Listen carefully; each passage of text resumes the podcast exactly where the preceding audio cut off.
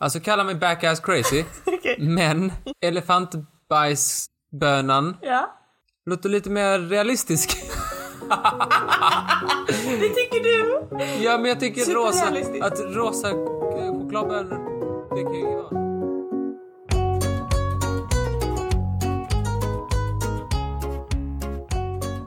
Hej och välkomna till Trivialist! Vår fantastiska faktapodd. Det är en underbar podcast tillsammans med dig, Martin.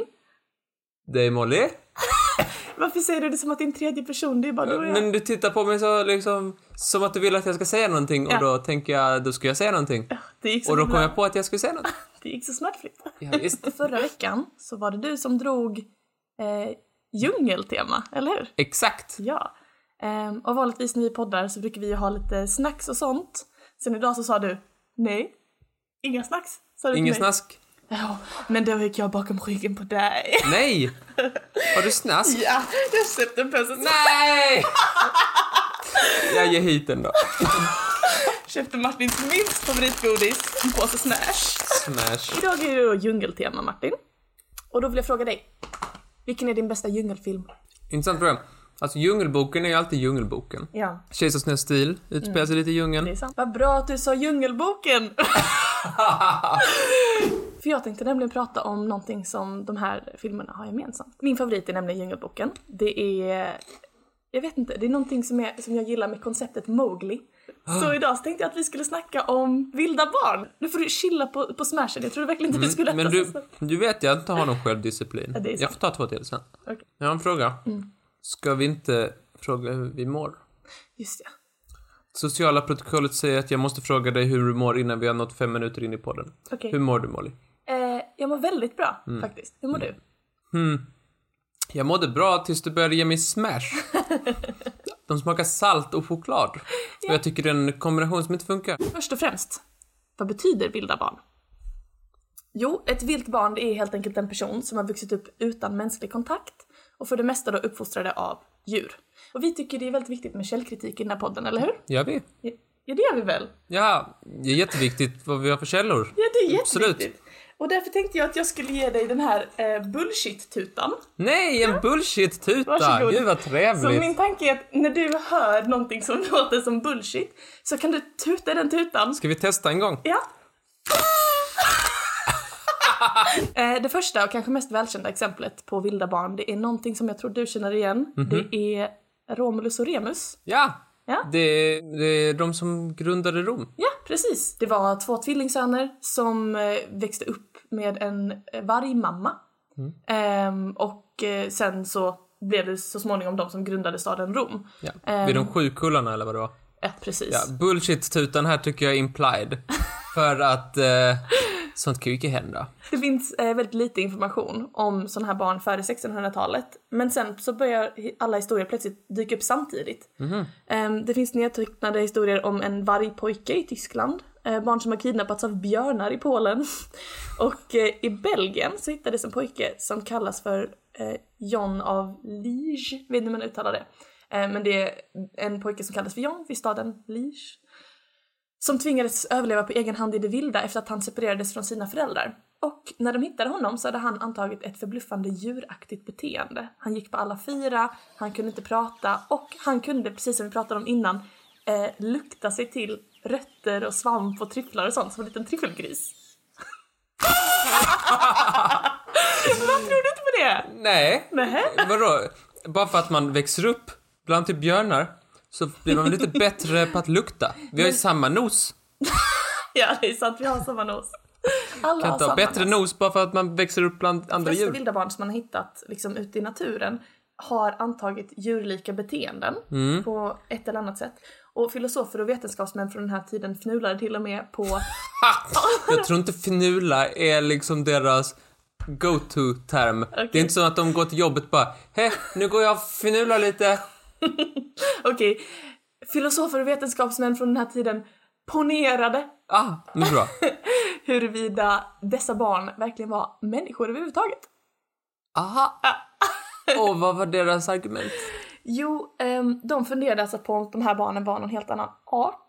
Eh, och en som verkligen rörde om i den grytan, det var Vilde Peter.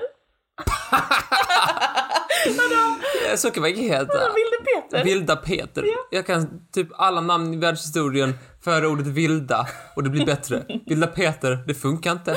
Vill du Peter? Ja, du tänker att det är lite för... Det är som Smarta Rudolf, det går inte. Han hittades år 1725 i skogen utanför Hameln i Tyskland. Och när de hittade honom så gick han på alla fyra och han kunde inte tala något språk. Eh, och han kallas liksom för det första ordentligt dokumenterade vilda barnet genom historien. Ehm, så när de hittade honom då i hamnen så tog de in honom och försökte klä på honom, bada honom och sådär. Ehm, men han bara betedde sig som ett vilddjur hela tiden. Eh, Englands konung eh, fick höra talas om detta och eh, sa Tjoho! Come this way! Jag tror inte att han ropar det från Tjoho! och eh, sa att han ville ha honom eh, i sitt slott i England som någon slags hovnar. Men eh, det var mer äckligt än roligt tydligen. Eh, för kungen äcklades ju av Vilde Peter och ville göra sig av med honom igen. Han sa pisch bosch, bort med han, han är för äcklig för mig. Men då sa prinsessan att hon ville ha honom. Hon sa Please daddy, daddy I want him, can I keep him as a pet? Eh, dessa upptäckter av eh, olika typer av vilda barn och framförallt kanske då eh, vilde Peter skickade som elektriska vågor genom hela Europa. Inom ett årtionde av upptäckten av vilde Peter så hade Carl von Linné inkluderat vilda barn i sin beskrivning av människa. Ett klassiskt fall av vilt barn är Viktor från Aveyron. År 1800 hittades en pojke i tidiga tonåren vandra omkring på alla fyra utanför den här staden. Han togs om hand av Jean-Marc Gaspard Itard Det är inte ett namn! Det är inte ett namn! Jo, det är det. Det är absolut Så kan man ett inte namn. heta.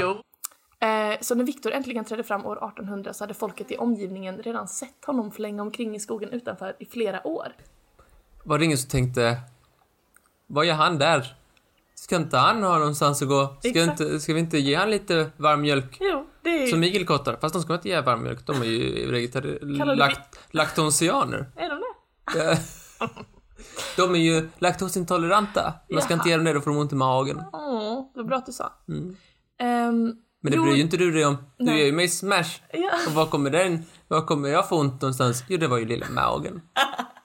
ja, eh, Jean-Marc började helt enkelt att undervisa Viktor. Eh, Okej. För att han ville bevisa för allmänheten att Linné hade fel när han kallade alla vilda barn för idioter. Tyvärr så eh, var Jean-Marcs eh, försök ett katastrofalt misslyckande. Jaha, Ja. han lärde sig ingenting. Jo, Victor lärde sig lite grundläggande ord och sådär. Mm, Eller han lärde sig förstå lite grundläggande ord. Men han kunde själv inte prata eh, och han hade svårt att förstå mer komplexa situationer. Ehm, Han blev liksom aldrig riktigt mänsklig enligt den tidens standarder då. Alltså klart han var människa men liksom han passade aldrig riktigt in ordentligt i samhället utan han, han var vild ehm, under hela försöken helt enkelt. 1926 så hittades två flickor som vad jag förstått var ungefär ett och ett halvt och åtta år gamla i det vilda. Och det verkar precis som med Mowgli att de har blivit uppfostrade av en vargfamilj i Indien. Ehm, vid denna upptäckt så hade Djungelboken redan varit publicerad i 32 år. Så författaren till Djungelboken hade redan skrivit om Mowgli när de här flickorna hittades.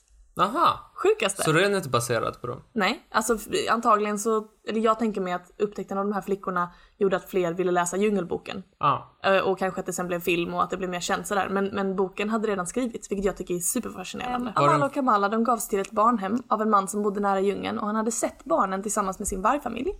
Eh, Och han, eh, när han såg dem liksom ute där nära, eller i djungeln då, så antecknade han sina observationer och skrev att han tyckte att mamma varg såg så snäll och trevlig ut. På den enda observationen? Där går en vargflock och lite barn. Och det han lägger med till, ja men gud, ser inte den vargmamman väldigt snäll ut? Jo, men det var en av, eh, en av observationerna i alla fall. Sen kidnappade han hennes kids. Vilka av dem? Ja, Människ- barn. människorna är det?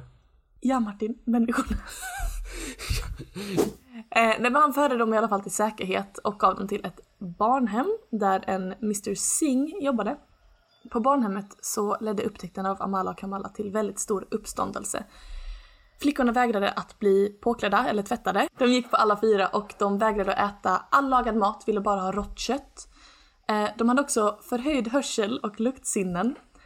Var bara vakna på natten hade superbra mörkerseende och eh, ilade, Nej, där får jag dra i tutan. de ilade mot månen. Vad var det som fick dig att... Ja, Mörkerseende. Alltså jag känner inte att det är upp. Jag känner inte att, alltså jag förstår ett beteende som kan härmas av djur. Mm. Ja. Men egenskaper tänker jag, nej. Nej. Sen började den här barnhemsföreståndaren herr Singh, han började gå lite bananas med sina historier kan jag säga. Aha. Singh sa att de hade egenskaper som väldigt skarpa och långa tänder. Ehm, och att ehm, på natten så eh, eh, lyste deras ögon i blått. Okej tantor. Nej, det var ju för dumt för att vara sant. Detta har i nutid anklagats för att vara falskt. I nutid? Ja. Tog det så lång tid innan folk började fatta? Mm, Ja, jag tror att just då så var det väl mer att folk tyckte det var så himla sensationsartat. Du vet, det var under en tid när det var mycket eh, circus freaks och man var väldigt intresserad av det här med människor som inte fungerade som alla andra. Det var så lite oklart hur mycket av Amala Kamala-historien som faktiskt är sant. Men oavsett så verkar det som att flickorna har i alla fall klarat sig i Indiens djungel och eventuellt de är vargföräldrar. Jag tycker Oavsett så- första killen är mest fake news. Ja, Han som ser en vargfamilj gå med människor och bara ha, se där, vilken vänlig hona. ja, jag håller med. I alla fall. eh, Jag ska berätta om en, ett till eh, exempel. Ja, ehm, som faktiskt är betydligt mer recent. Det här är historien om Oksana Oleksandrivna Malaya. Alexandri Valnamaja. Ja, den ukrainska hundflickan. Ja, var det bara en person det där? Ja, ja, ja. Ja, jag trodde det var två. Åh, det var så långt namn. Oksana Oleksandrivna Malaya. Ja, Ja. eh, det är inget konstigt än så. Så kan man väl heta. Ja, kan Vad man man inte hette han där uh, Hjalmar Fjalmer-killen. Vem då? Han innan!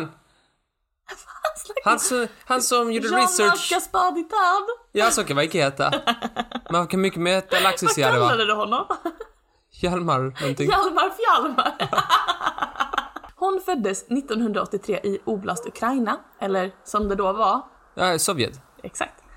Hennes Fattar inte. N- när, när du, när du Jag vill- jag pekar vill ha som med menande dig. på mig. Ja, men jag vill och interagera med dig. Ja, interagera. Det kan jag väl. Samtala. Oh ja, ja. Hennes föräldrar kunde inte ta hand om henne och vid tre års ålder så hade hon helt börjat leva i en hundflock. I den här liksom, tiden i- och platsen i historien så var det ganska mycket vilda hundar som drog omkring på gatorna och sådär. Och eh, då eh, så ja, sällade Oksana sig till den här hundflocken istället för sina föräldrar. Och när hon hittades så sprang hon omkring på alla fyra. Hon skällde som en hund, sov på golvet och eh, betedde sig liksom i allmänhet precis som en stor hund bara. ja. Grejen är att hon in, kan inte springa li, lika snabbt. Vet du vad?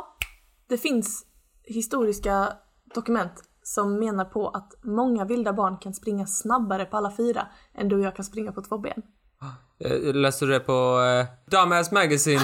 Nej, Var det på covern? nej. Nej, då vill jag bara... Eh, för det går inte. Okej då. Nej, nej, du, du har rätt i din åsikt. Jag tror, här är min teori, men jag har säkert fel sak. Jag tror när de, de gick och, han gick sådär då, på två ben. Eller vad säger jag? Hon gick liksom på fyra ben. Ja.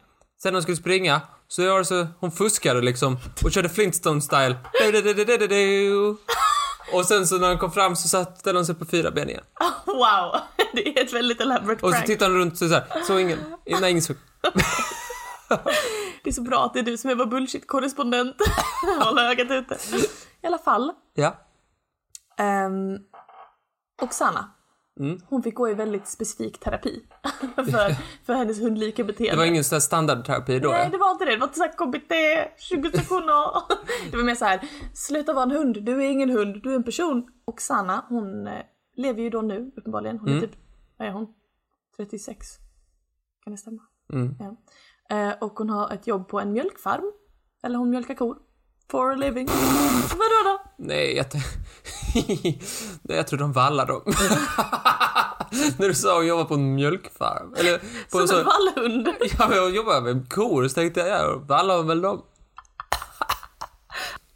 I alla fall. Eh, Och hon, har, hon liksom verkar relativt välanpassad. Hon har intervjuats i TV och så om sin liksom uppväxt. Okej, så hon kan prata? Ja, hon kan prata och som hon själv beskriver det så klarar hon av att leva bland människor ganska väl. Men när hon liksom mår väldigt dåligt eller blir stressad eller sådär så brukar hon springa till skogs för att vara i fred. Oj. Oj, oj vad, det- jag skrattar lite för högt. Vad som var- det var inte socialt accepterat att skratta så högt. Vad skrattar du så gott åt? Att hon springer till skogs. Nej, det är så, det är så, ja. Många av de här påminner faktiskt lite om dig nu när jag tänker på det. Nu är det dags för dig att vara redo med bullshit-tutan Martin. Är den nu så redo? Marina Chapman, en kvinna som efter en kidnappning hävdar att hon växte upp bland apor i Colombia från fem års ålder. Bodde personen i Colombia eller närheten? Ja, För om det var typ så här Tyskland och sen så bara kom på att ja men jag, jag, jag var kidnappad i Colombia. Ja, det hade varit ännu konstigare ja. Det hade varit jättekonstigt. Nej, i det här fallet så var det då så att hon, eh, ja hon blev kidnappad men kidnapparna dumpade henne i skogen istället och där så blev hon hjälpt av en apa som hon började kalla för morfar. Inte pappa utan morfar. Morfar ja. Efter det så tog aporna in henne och lärde henne hur man klättrar, vad man ska äta och sådär och hon beskrev att de blev hennes kompisar. Hon beskrev också hur hon insåg att om hon stod under aporna så kunde de ibland så kasta ner en banan till henne. Det känns lite som någon som är lite drama queen. Ja, Du vet när mamma var på lekplatsen med sin morsa när man var liten japp. och hon bara, jag ska bara gå dit bort och typ köpa en glass eller någonting. Och sen så bara, hon har varit borta jättelänge, hon har övergivit mig, där är ett träd. Wow! Och sen sa hon bara, du, jag ska berätta för dig. Jag blev uppfostrad av en apa när de lämnade mig i skogen. Så säger jag om den historien. Har du också en bullshit-tuta? Jag plockar fram mig nu, jag blir så arg. Ehm, strutspojken. Vadå då? Strutspojken. Känner du inte igen Det är det? världens sämsta superhjälte. Vadå, han har jättekraftiga lår? När, när faran lurar, då sätter han huvudet ner i sanden. Det är en pojke vid namn Hadara som hittades i en strutsflock vid 12 års ålder. Han gifte sig också och fick en massa barn sen. Ehm, vad tror du om den historien? Nej. Icke? Eh, jag tänker att det får ändå vara någon måtten på vilka djur man blir uppfostrad av. Visst, jag kan köpa apor, Ja. absolut. Vargar, okej då. Strutsar, de har fjädrar, de har långa ben, lång hals. Det är för olikt. Va? Strutsar är mycket likare människor än vargar. Nej. Jo, på Nej. håll. Tänk dig, så här, tänk dig siluetten av en struts. Tänk dig siluetten av en, en bredhöftad person som är lång. Sen tänker du det är en varg. Vem är mest lik vem? Vem ska bort? Ja, jag vidhåller fortfarande att, eh, att strutsen är inte det minsta lik. Som framtida psykolog så tycker jag ju att det är väldigt intressant, eh, allt det här. Och det mest intressanta är ju det eh, med vilda barn, om vad det innebär för våra kunskaper om det mänskliga psyket. Liksom. För ungefär 10-20 år sedan så var liksom allmän konsensus att nej, det finns ingenting som är vilda barn. Vilda barn det är bara liksom personer som har fötts med eh, intellektuella eller funktionella nedsättningar som eh, sen har hittats och så har folk inte fattat vad det är de har, har tittat på. Liksom. Eh, Men sen på sistone så har man fått en lite mer nyanserad bild av det här eh, efter att flera nya vilda barn har hittats, till exempel Oksana. eh, När man har kunnat göra mer tydliga kognitiva tester på dem och så. Eh, Och jag tror att just nu så är nog de allra flesta överens om att vi vet inte riktigt vad som är vad som en generell förklaringsmodell för vilda barn. Att det finns säkert vissa som hade problem från början, vissa som kanske hade kunnat uppfostras och bli helt normalbegåvade men inte fick de möjligheterna. Eh, oavsett så är det ju väldigt intressant. Måste man välja en? Kan man Nej. inte bara köra båda? Jo, kan man väl göra. Jag som inte gillar att göra val, Ja. jag tycker det är väldigt smidigt att man kan säga ja, det är båda. Lite av både och. Ja. Ja, precis. Eh, Det verkar alltså som att Rudyard Kipling, som skrev Djungelboken, och alla andra sådana författare, de har haft sådana rosa glajjor på sig. Rosa Det glajjor är som på på sig. engelska, rose tinted glasses. När man bara ser det positiva i en situation. Ah, Eh, när de har beskrivit så. Åh, Mowgli han var ett vilt barn. Ah, han hade en sjungande björn. En orolig panter. jag, jag kom precis på att det är djungeltema. Vad är din djungel? Var det den? De har vuxit upp i djungeln alla de här kidsen. Nästan. Var det... Vilken då? Alla de jag pratat om nu, vuxit upp i djungeln. Som ukrainaren, tysken, Ja, men de var undantag. Colombia var det enda jag kan komma på. Ja, men det var Du har för inte ens sagt att det var en djungel. Men varför jag skulle förklara djungelboken för dig.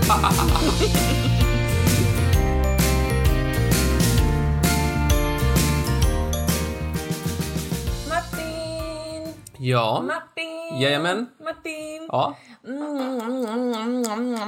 Vill du ha lite smash? Finns det där borta?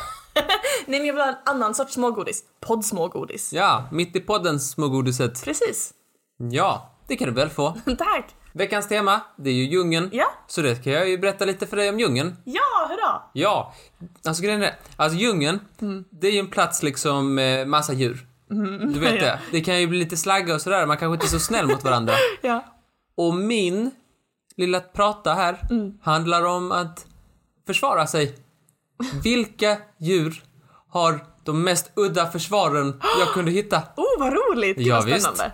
Man liksom, man kan ju inte bara vara stor och stark utan man måste också vara lite slug och smart. Som det heter. Ja. Som de smarta säger. Slug och smart. Ja, visst. Ja. Och därför tänkte jag presentera min lilla, jag har en liten topp top tre-lista här. Topp tre. Ja. Underbart. Jag är supertaggad. Tre. Jag kan inte bara säga tre, jag måste säga På tredje plats. tre. Så himla dåligt. På tredje plats. Ja, då har vi där. Nej men du skulle göra musik! Ja, men jag ska inte sen ska jag göra det nu. Jag trodde du skulle göra en liten... Okej, du får åtminstone låta eh, liksom peppad på det jag ska säga. Ja. På tredje plats. Nu skiter jag i dig, nu bara säger jag det. Det är de exploderande myror och termiter. Som de exploderar för att försvara sig själv. Nej men de Så dumt. myror och termiter, de är liksom, det är ju väldigt, de lever ju i kolonier och, och, män, och liksom bon med väldigt många invånare. Aha. Och då finns det de som har liksom till uppgift att skydda. De sätter sig själva liksom framför och försvarar. För att det dåliga med detta försvaret kan man säga att det, man kan bara använda det en gång per myra. kan jag säga. För att de begår självmord. För att de exploderar. För de gör ju det för att försvara stacken. Ah, du tänker så. liksom, de här eh, myrorna, de har liksom små behållare av gift i kroppen. Och när de måste försvara sin stack så kan de liksom explodera. Och då flyger det ut något kletig vätska som väl får stanna, fienden att stanna upp liksom. Och då liksom blir de så här långsamma Mhm. paus, och dör. Paus, psch. ja, först och främst, du sa i en behållare. Ja, alltså, nej men typ, jag tänker typ en blåsa. Ja, det är typ okej. så jag tänker. Jag går vidare. Och så några st- sorters termiter har det också. Men de har mer, de har en, de har en blåsa som man ser på kroppen. Och de liksom har ett medel som reagerar med fiendens liksom saliv på något sätt. Något tjosan, det var väldigt tekniskt, jag förstår inte riktigt. Men, när det, när det är liksom, det medlet kom på dens saliv så blev det giftigt typ. Okej. Och dödade fienden. Wow. Läskigt. Ja, visst. Ja. Jag slänger mig med facktermer som blåsa och sånt. Sådana ord kan jag. Gud ja, det, först först sa du ju behållare, vilket jag tycker var dum-dum-styles. Men Men behållare, är ju- en blåsa är väl en behållare? absolut. Två! Oj, förlåt. På andra plats. Jesus Lizard eller Lagarto de Jesus Cristo. Va? Gör han, eh, gör han vatten till vin? Eller vad? Nära! Jag tror han kan gå på vatten. Ja, se se där. Vet du vad den heter på svenska? Hjälm basilisk. Vad sa han? Hjälm basilisk. Den har typ en hjälm på huvudet fast det är lite mer en dumstruts. Åh, vad jag börjar bra med att det var Jesus Lizard och sådär. Cool. Kan gå på vattnet. Men han har en dumstrut, det har han. Det enda jag kan föreställa mig nu det är basilisken från Harry Potter 2 med en sån jättestor strut på huvudet. Backa bandet. Ja. Den lever i Centralamerika. Säger man så på svenska.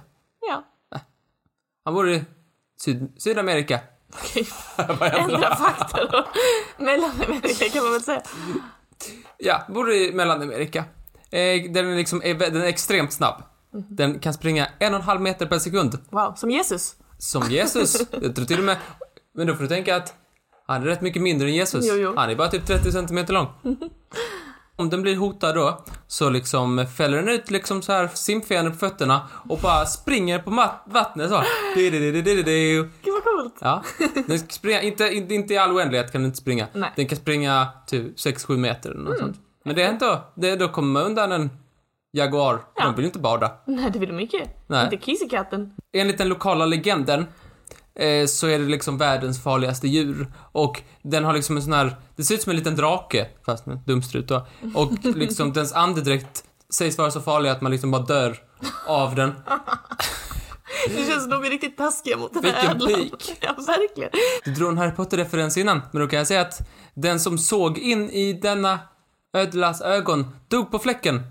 Om man inte hade nästan huvudlös nick i vägen. För då, då, då fryser man bort till staty. Just det. Ett!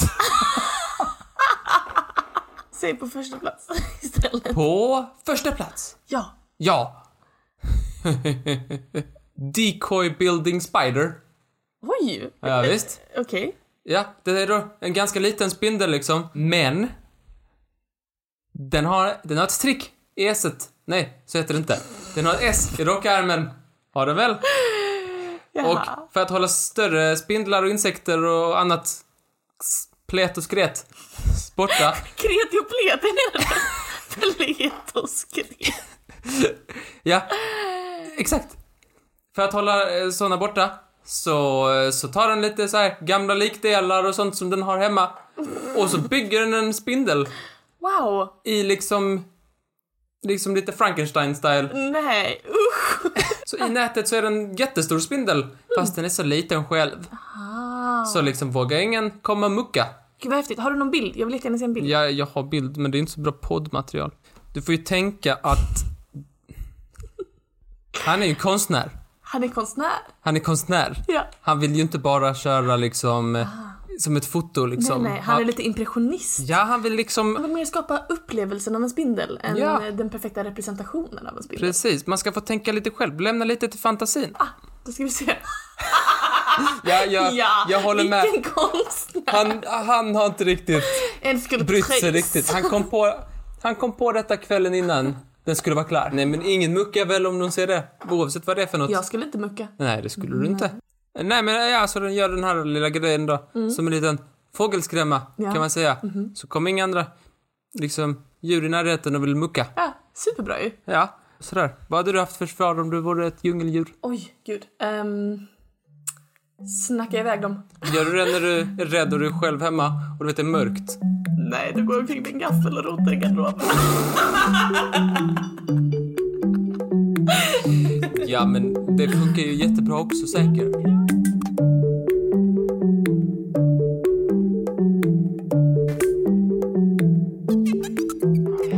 Åh, vad gott med smågodis, Martin. Tack så jättemycket.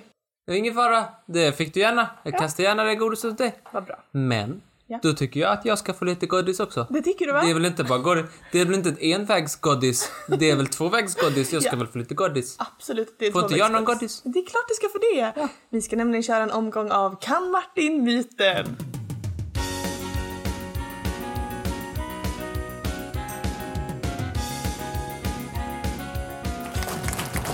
Leken går till så här. Jag kommer presentera 10 fakta för dig varav hälften är sanna och hälften är falska. Och det är din uppgift att gissa vilket som är vilket. Fakta nummer ett.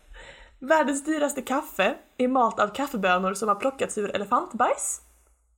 Ja. Haha, se där. Fakta nummer två. Världens dyraste choklad är gjord av rosafärgade kakaobönor. Alltså kalla mig back-ass crazy. Okej. Men elefantbajs bönan Ja. låter lite mer realistisk. Det tycker du? ja, men jag tycker rosa, Superrealistisk. att rosa eh, chokladbönor, det kan ju vara något. Nej. Så myten är? Ja, gör det. Jag säger till chokladen. Du har rätt! Wey! Bra jobbat! Men eh, du har rätt av helt fel anledning, ditt dumma nöt. alltså, rosafärgade kakaobönor finns det ju gott om. Fakta nummer ett. Antarktis är den enda världsdelen utan regnskog. Fakta nummer två. Oceanien är den enda världsdelen med både barrskog och regnskog. Där kan det ju finnas någon regnskog. Nej. Om det skulle vara en... Fast det kanske finns en liten... mm, En litet träd med lite lianer. För jag tänker, vad är definitionen av regnskog? Det finns ju typ palmer i Trelleborg, men det är ju inte regnskog för det. Åh oh, herregud. Jag säger, myten är antarktisk. Det var fel! Jag visste det, jag visste det. Det, var, alltså det där var Jag snarare... tänkte det där. är det antingen så att det finns en sorts apa som kallas Chunky Monkey? Eller att det finns ett djungelträd som kallas Idiot Fruit? Träd kan ju inte kallas för fruit. Det är inte som att man kan ta fel på ett träd och en frukt. Det är folk som säger såhär, "Äh, tomat, det har folk tagit fel att det är en grönsak. Det är egentligen en frukt, men ett träd, det kan man aldrig tro att det är en frukt. Okej, ta det lugnt. Så det, det är för dumt. Okej. Chunky Monkey. Ja. Det låter alldeles för funky. det är funky Chunky Monkey. Aha. Jag tror han finns. Jag tror Chunky Monkey finns. Okej, så Jag tror det är någon, någon, någon troll på 1700-talet som bara ha, ett träd. Vi kallar det för fruit. Varför? Jag vet inte. De kommer ha kul åt det om 300 år, jag lovar. Kommer sitta två stycken idioter och prata om det och tycka det är kul. Så därför döpte hon det till Idiot Fruit. Jag tyckte det var Men nu roligt. har du sagt att båda är sanna. Vilken är myten? Vilken är myten Martin? Jag vill, make helt, jag, vill, jag vill ha det helt klart. Ja. att apan det är mycket mer logiskt att den, het, att den skulle heta Chunky Monkey än att någon kallar f- träd för en frukt. Ja. Men jag tror att någon trollar oss och Okej. säger att träden var en frukt. frukt. Okej, så myten är Chunky Monkey. Ja. Du har det! Yay! Bra jobbat! Nu blir det bra stämning Det igen. finns ett djungelträd som kallas Idiot Fruit. Ja, det skrattade jag gott när jag hittade. Tredje rundan, är det Nej, fjärde rundan. Oh.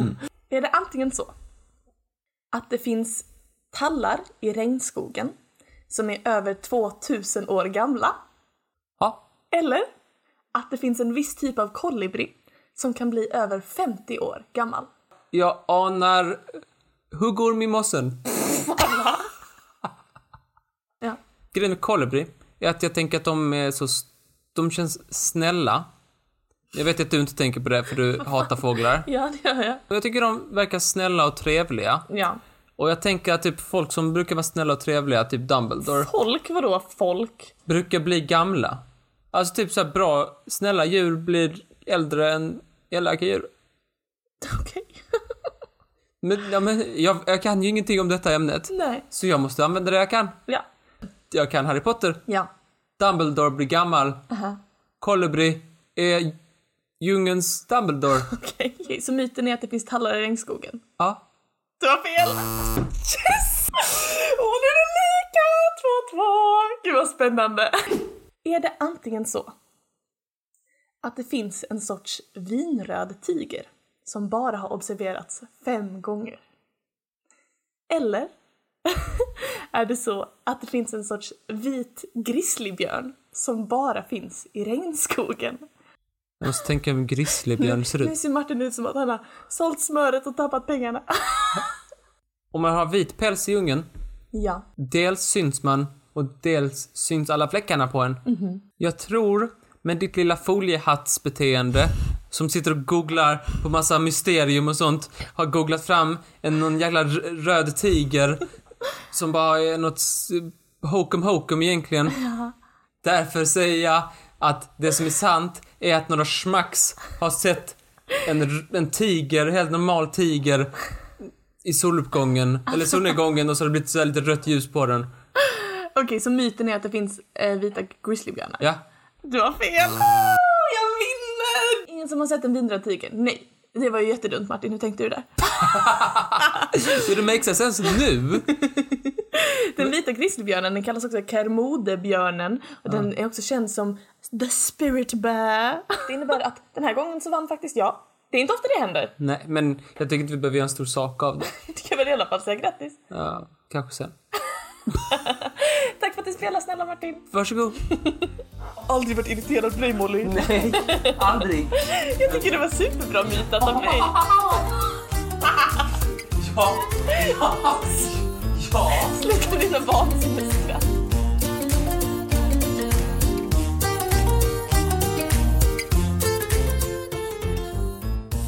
Du har ju bott i London. Ja. Det är ju rätt så stor stad. Ja, Det kan man väl tycka? Eller? Vad tycker du? det- det är en stor stad ja. Det är en stor stad. Hm. Men det är inte så mycket i jämförelse med det jag tänker berätta om. Sådär. För det jag tänkte berätta om, där bor de 10 miljoner i ett samhälle. Vad, vad, vad tror du det kan vara för någonting? Alltså, ja du, det kan bokstavligt talat vara vad som helst. Nej, det kan inte vara älgar. Älgar bor inte 10 miljoner i samma... Jag tror kanske det kan vara myror. Nej, icke. Myror var det dummaste jag har hört. Varför skulle jag, skulle jag sitta här, skulle jag sitta här liksom i 10 minuter, 20 minuter och snacka om myror? Ja. Pytsan, absolut inte. Jag ska snacka om ett mycket mer intressant djur. Är det termiter? Nej, det är bladskärarmyran. jag föll pladask in i ett rabbithål. Ja. Rakt ner, slog näsan, bruten näsa. Aj då. Rakt ner som en palm. Typiskt palmer och falla ner i rabbithål eller vadå? Ja, precis. Myror, av alla insekter du skulle kunna gilla, Ja, så gillar du myror. ja. Och bladskärarmyran specifikt. Och jag ska berätta för dig varför. Myror, det är då den varelse som förutom människan kan göra de största samhällena. Ah. Liksom, det är människor, de kan göra större samhällen. Sen myror, precis efter. Upp till 10 miljoner som jag sa, kan bo i de här kolonierna. Och de, de bor då, de här bladskärarmyrorna, ungefär från södra USA och neråt. Okej, spännande. Mycket i regnskogen. Ja. Om de jag pratar om nu, så du har säkert sett dem i typ Planet Earth-dokumentärer och så vidare. Det är de som går med ett blad på ryggen. Ja, Mm. just det. Mm. Och så går de tusen stycken typ på rad och alla har ett blad. Jag tänkte börja långt innan vi har en koloni på 10 miljoner. Mm-hmm. Jag ska börja, min story börjar tidigare än så. Okej. Det börjar då med att några myror lämnar sina före detta bon och beger sig till vad som kommer bli ett nytt bo. Och de, vet du hur de lämnar? Nej. Med vingar. Ooh. Drottningmyrorna Ja, bara har skaffat sig ett par vingar. Oklart varför, alla har inte like you do. Alla har inte vingar, men de bara... De bara flärpar upp ett par vingar av Ah. någon anledning. Kan då bli 5 centimeter långa de det här. är superduper Och de kan bli 20 år gamla. Ja, det är också ganska imponerande. Men kan vi snälla stanna upp för att den kan bli 5 cm, det är som min tumme. Ja. Men du kan ju, du kan ju mejla källan. Vet du vad källan är? Nej. Det är www.costarica21.com. Jag är så glad att vi... Vet du vad jag säger till den källan? Okej. Så att några bevingade myror lämnar det gamla boet Yes. för en l- önskan att hitta en ny värld. Så, så landar de, släpper de av vingarna som ingenting. Bara Vänta, vänta, paus. droppar vingarna. De kan göra sig av med sina egna kroppsdelar. Ja, men vingarna. Vingarna har de inte i vanliga fall. De bara har dem i bara i detta syfte när en ny drottning ska lämna. Oj, vad sjukt. Ja, det är ganska sjukt. Det här tillfället när de eh, går från, nya bot, eller från gamla bot till det nya bot, det kallas för revoda. Eller någonting som jag översatte till bröllopsflygningen. Väl framme där så, ja, så sätter, sätter de igång med att, ja, de gör invånare så att säga. Vi, behöver, vi kan lämna det därhän. Blir du äcklad av att myror parar sig? Ja, men de, de gör vad de gör. Myrorna parar sig. De ska bli 10 miljoner och de börjar där kan man De är säga. effektiva. De gör, de är rätt snabba. Ja. Dessa invånare. Ja. De kan då, de kan då delas upp i fyra olika sorter, olika kast som det heter. Oj, okej. Ja, det var inte jag som kom på det. Det var Wikipedia och vidare som kom på det. Ja. Eh, de första då, soldaterna, de är rätt straightforward. Stora grejer. Försvara mot fiender. Just det. Sen finns det stora arbetare. Det är de som går i led, liksom från träd, hugger ner bladen, Ja. liksom cirklar och bär hem och sådär. Det, är deras, det är deras uppgift. Jaha. Miniarbetare, Aha. de är lite mer slappa. Sådär. De är mindre, som namnet förtäljer. Ja. Och de sitter på bladet när de bär tillbaka det. För att det inte ska komma flugor och grejer.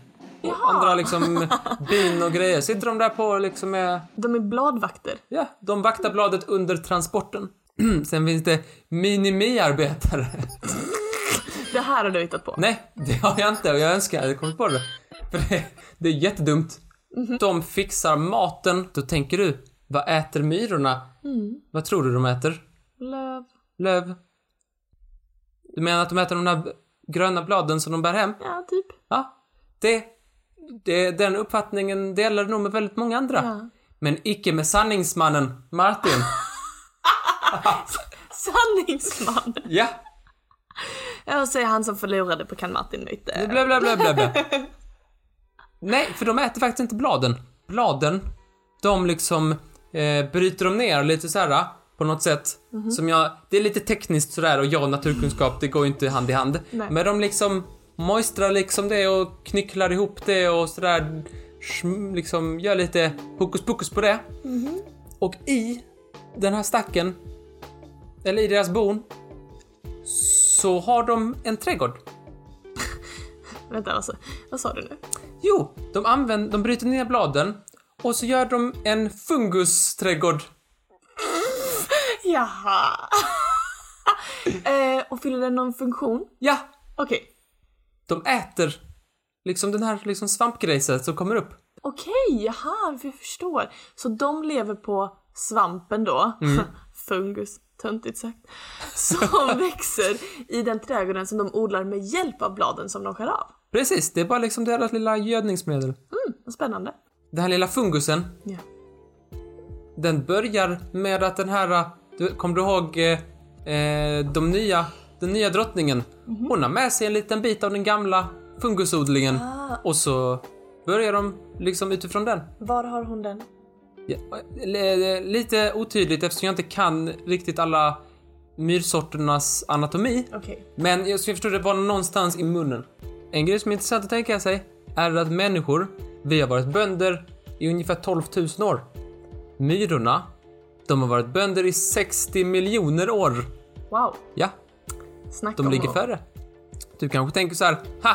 De hade jag gärna velat vara granne med. Vilka feta varelser! De vill jag vara granne med. Ja. Ja, då tänker du helt skvatt galet kan jag Jaha, säga. ja. Du menar att den här fem centimeter stora flygande myran inte är en bra granne? Nej, det är den icke. Vilken Men det är inte på grund av den. Nej. Det är på grund av stacken. För du gillar ju växter Ja. och på dina växter är det blad. Ja. Ja, och då kan jag berätta för dig att dina, alla dina växter, godnatt, adjö, finito, goodbye. Och alla mina 54 växter. De kan rensa ett helt stort träd på 24 timmar. Va? Ja, Gud vad sjukt. Men när du säger stort träd, menar du en ek? Eller? jag menar typ ett djungelträd. Gud vad sjukt. Minimiarbetarmyran, Ja. som jag förstår är den, det är de som håller till hemma. Fixa fungusen, de sköter larverna och så vidare. Just det. Och de kan ha lite så här eh, olika uppgifter, till exempel det finns de som gräver. De här bona kan ju bli väldigt stora. Ja. Själva boet, det har en diameter, eller kan ha en diameter på upp till 30 meter. Okej, det är väldigt stort. Det är väldigt stort. Och, men om man räknar liksom alla smågångar och sånt som kan finnas åt olika håll, så kan man säga att det kan ha en radie av 80 meter. En radie av 80 meter. Ja. Så en diameter av 160. Ja, Ja. det är rätt mycket. Det är jättemycket. Just det, det är de här byggmyrorna som fixar det. Men så finns det ju också städarmyran. De har som uppgift att de liksom, ja, som det låter, de städar bort liksom smuts och skräp och så, så lite gamla döda myror och sådär. Ibland så kommer det fel typ av fungus på fungusfarmen Ja. och då tänker man den måste vi bli av med Just det. för den kanske är farlig. Och så bär den bort det. så här bär då? den här städarmyran bort den. Ja, så kanske den behöver bära bort det. Så tänker du, när den här liksom parasiter och sånt från den här fungusen, om den här fungusen var farlig, Ja. blir inte den, borde inte den här myran gå bye-bye då? Jo. Jo, du tänker helt rätt. Men det har de tänkt på, de små liven. Jaså? För de har utvecklat någon slags bakteriefläck. Va? Ja, de har en liten vit fläck som är typ så här bakterier. Okej. Enligt en YouTube-video. Jaha. Men Vad- också enligt, enligt källor liksom att de har en slags bakterie, de har liksom bakterier på kroppen på ett visst ställe som, hör och häpna, fungerar liksom som antibiotika. Lägg av vad fett! Ja. Gud vad häftigt. Men är det bara städarmyran som har den här vita fläcken Nej, eller? det har alla. Alla har det. För det där var det coolaste jag någonsin har hört i hela mitt liv. De har en antibiotikafläck på kroppen. Tänk om vi hade det typ så i naveln. Ja. Så bara får man ont i halsen så pillar man lite navelludd, äter det, så är man fine. Ja. Det hade ju s- skyddat oss från pesten. Det... oh, nästa Om vi bara kunde sjukdomsavsnitt. käka lite navelludd så hade vi sluppit pesten. En cool grej med städarmyrorna är att när någon har blivit utsedd till städarmyra så liksom slutar den att hänga vid alla viktiga grejer. Ah, den liksom Den struntar i det. Den bara, nej jag ska inte gå vid drottningen, jag ska inte gå så mycket vid farm, liksom odlingen, trädgården liksom. Nej. Och vid maten och, och allt sådär. Utan då, då har den accepterat sin, sin fate. Bara går den omkring och gör det den måste. Och vet du vad den drar ner? Allt skräp. Nej. I en liten kammare som de har grävt långt ner. De har ett soprum. De har ett soprum. Gud vad praktiskt. Ja. Jo, de här, den här bakteriefläcken som de har, som eh, liksom funkar som antibiotika, Ah. Ja. de forskar man nu på. För det här med antibiotikaresistens och sånt, Ja. när man håller på att utveckla det så kollar man, hur funkar det? För det har ju hållit liksom rätt bra i så länge de har haft det. Just det. Och då tänker man, vi har ju resistenta bakterier mot antibiotika. Mm. Då borde vi kunna lära oss av dem. Så nu forskar man på det för, i det syftet. Vad häftigt. Ja. Och då tänker du, coolt. Ja, eller vad häftigt tänker jag väl. Men! Då säger jag pish posh. Vadå? Det är inte resist- anti- antibiotikaresistens. Det är inte det enda problemet de här bladskära myrorna kan hjälpa oss med. Är det att man forskar på hur de kan hjälpa oss att klippa häcken? Nej! Jag förstod. Det skulle du säga, men icke. Det kan jag säga. Utan man tittar på dem i syfte att se hur de bryter ner de här bladen. Aha. För att vi på något sätt, ja alltså jag kan ju inte terminologin, men hur vi ska kunna göra effektivare biobränsle. Ja, så de, vi har mycket att lära oss av dessa små djur. Det har vi verkligen. Och jag kunde prata mycket mer. Jag har ju sån himla rabbithål så du fattar inte. Men all deras signalsystem och allt deras liksom biologisk krigföring och försvar och drottning och allt möjligt. Men jag måste sluta där. Någonstans ska vi väl sluta. Men kanske att man får mer i nästa djungelavsnitt. Kanske det. Men det blir inte nästa vecka. Utan, då blir det någonting annat. Just det. Mm. Tack så jättemycket för informationen Martin. Tack själv. Och det där välkända prasslet, det vet vi alla vad det betyder. Det betyder att vi har någon som eh, är i poddstudion som inte riktigt tänker på lyssnarnas, eh, lyssnarnas öron. Det gör jag väl. Det, är lite, det ska ju känna- kännas lite levande, tänkte jag. Det det också betyder det är att det är dags för oss att dra nästa veckas ämne ur den berömda giffelpåsen. I giffelpåsen har vi en massa lappar som jag och Martin har skrivit med framtida poddämnen och nu ska Martin få äran att dra. Vad står det? Vad står det? Det är tema Quinky Dinks. Skrev du så? Tink. Quinky Dinks. Eller sammanträffanden som vi säger på svenska. Ja, kan vi göra om du vill. Eller Quinky Dinks. Vad spännande sammanträffanden. Åh, jag har så himla många sådana Martin. Du vet hur jag är. Myter, mysterier, andra Och Mm. Oh, jag magiska har- förklaringar. Jag har redan... Vi kan spela in den nu, jag har allt. Ja! Tack för podden Martin, det är alltid lika kul att spela. Tack, tack så mycket. Okej, vi ses. Hej då! Hejdå! Nej, nu har jag också börjat vinka. Ja, men det är väl jättebra. Varför då? Det är ingen som hör. Men, men vadå, s- hör och hör? Man får vinka så det hörs. Men det är ingen som hör när jag ler heller. Men om jag hade suttit här hela tiden och inte lett, då hade du tyckt det var konstigt.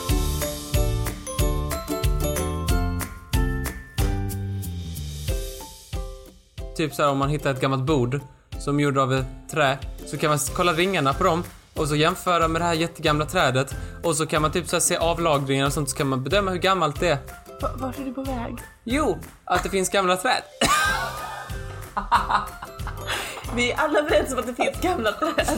ja.